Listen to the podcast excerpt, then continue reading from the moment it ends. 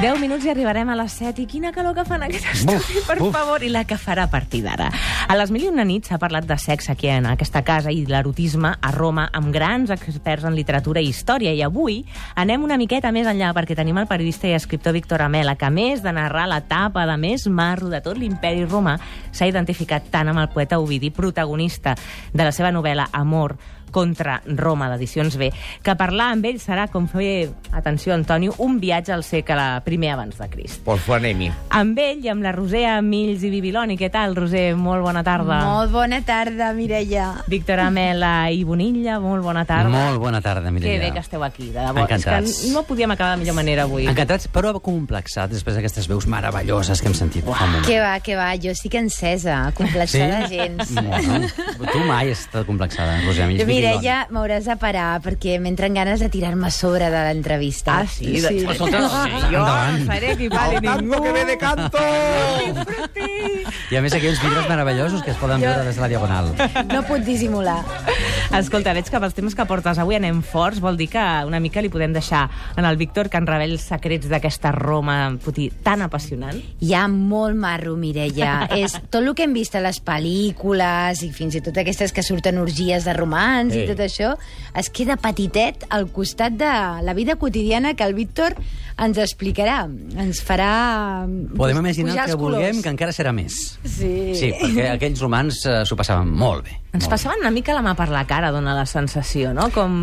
Sí, perquè eren gent que sabien gaudir del que tenien, no? Aquest clima mediterrani, el vi, les festes, els poetes, els músics, els filòsofs, i, i ho feien a fons. I no tenien ni estrès, ni hipoteques, ni, Ni totes cotxe. aquestes coses. Bé, o la part que coneixem, perquè segur que hi ha una part que no coneixem, no? També Mhm. ens ha transcendit potser la part més amable o la part que s'ha documentat. Segur Mhm. que hi havia moltes cares a aquella època. O... Sí, clar, bueno, de fet, eh, el període aquest que jo explico a Amor contra Roma, que és el segle I abans de Crist, és un moment en el que la dona es desferma. La dona fins a aquell moment havia estat diguem-ne, la matrona, la que paria els fills i poca cosa més.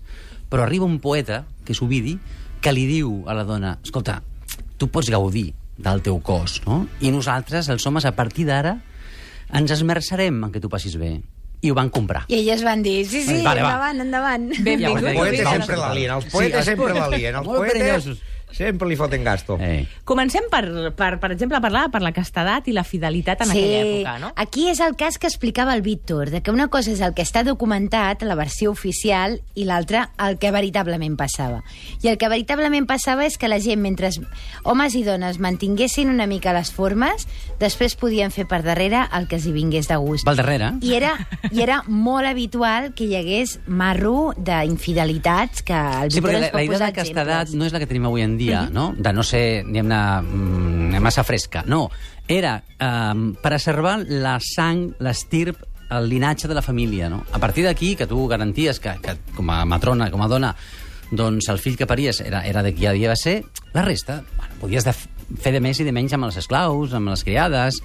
No hi No, havia de fet, no aquesta visió computava. moralitzant. No, no computava. No, no, no hi havia... Eh, Que algú es liés amb l'esclau o l'esclava no era problema. eren objectes útils pel plaer de, de l'amo, clar. Un collon amb els romanos. Sí, Sí. sí, sí. Van Déu-n'hi-do. quedar molt Sí, sí, sueltos. jo- Sí. Ah, Però hi havia igualtat entre home i dona, això és molt important, eh? Les dones podien fer les mateixes coses que feien els homes, mentre no se sabés. I és I cert. eren molt maques les dones, eh? Romanes. Sí? Ah. Sí, home, si mireu els frescos... Sí, voluptuoses Les- Sí, i- voluptuoses.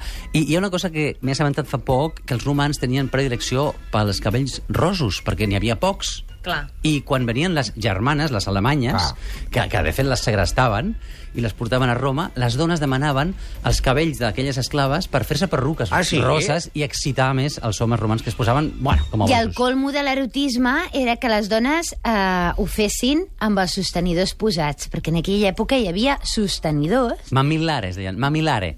I De hi ha mamella. frescos on el, el súmum de l'erotisme és que la dona va amb aquesta prenda. Sempre posada. Perquè dignificava, volia dir que tenia cert estatus. Tenien un cer, Tenia una certa morbo. vergonyeta, elles, i, i a ells els semblava bé que elles estiguessin nues totes, menys el mamilare. Que Ah, així t'ho vas imaginant, t'ho vas Sí, donar exacte. imaginant i pensar que... No més molesta. rodonet, Més, ah, més fosquet, més claret. Sí. Mm. I, I ara no sé si dibuixar i mirar un penis enorme donava sort.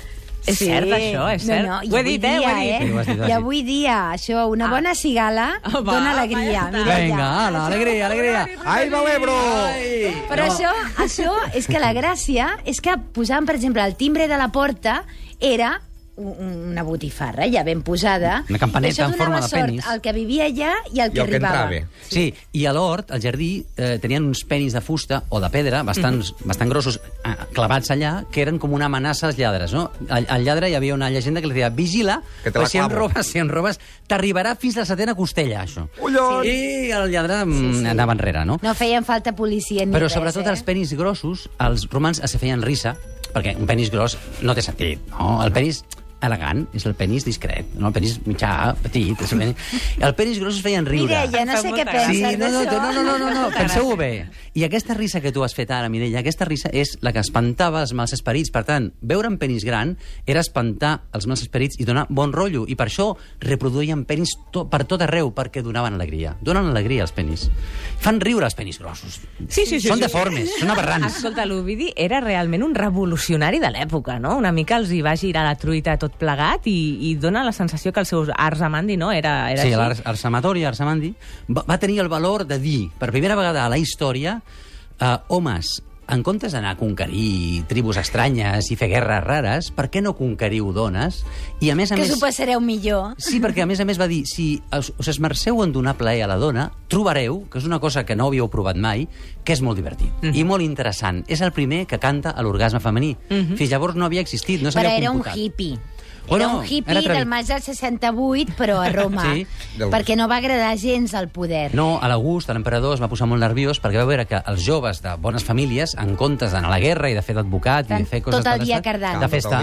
Cardant. Em pot- Foten-li el mambo Ai, Però, home, i aquí no agafa I saps ningú en un quin- és que a rifle. més tot és posar-s'hi i després no pots parar, eh? Clar. I saps en qui? Amb actors i amb actrius. Ah, sí? Que eren les convidades principals de les festes. De- de i la fet, cubana. De, sí, de fet, a l'emperador va prohibir va prohibir que una dona, diguem de bona família es casés amb un actor i a un noi de bona família que es casés amb una actriu, perquè considerava que eren lo pitjor.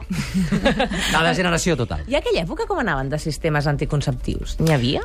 N'hi havia, sobretot n'hi ha un molt elemental, que de fet l'explica Júlia. Júlia Mm. és una persona molt important. Era una dona que era la filla de l'emperador, la única filla de l'emperador August i que es va revoltar contra el pare i va anar de festa. Va Era la, anar de- la Paris Hilton del Sí, moment. sí, va, va fer, la boja es va desmaranar i ella deia que ella mai eh, acceptava que un passatger pu- pugés a bord... A l'autobús. Si, si, no, si no ja anava plena. És a dir, que ella, com va tenir cinc fills amb Agripa, que era un home molt important, Mhm. aprofitava els mesos d'embaràs per quedar amb tothom, perquè no hi havia risc de quedar-se Ah, embarassada. mira. Ja, va. ja estava la cosa I feta. va tenir Claro. molts mesos. Júlia és un personatge molt important que, de fet, quan l'he descrit a Amor contra, Ropa, contra Roma, m'he inspirat en una persona que està en aquesta taula. Mireia, Ah, Una dona resolta, sobirana, una ara dona em tocarà a ardent, mi el rebre. Ah. una dona desmalanada, una dona coratjosa, bellíssima i sensual.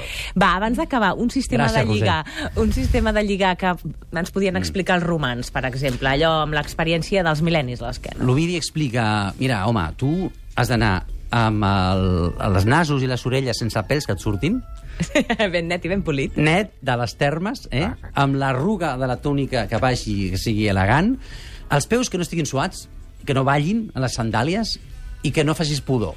A partir d'aquí, tu ja entra-li a la dona, al circ, al teatre, a les termes, seu al costat, toca-la, pessiga-la una miqueta. No, i donava un consell molt bo, que era passejar-se fent-se el despistat Sí. pel costat del circ i tot això on anaven les dones, les mestresses Sí. de casa de l'època. Allà és on es pesca, Antonio. Doncs Ah, escolta, doncs mira. aprofitem aquesta saviesa que trobareu a Amor contra Roma. Moltes gràcies a tots dos per ser avui aquí al 8 dies de la setmana. Moltes gràcies. Encantat, A moltes tu, gràcies. Porteu-vos el Mireia. llibre Amor contra Roma a la platja.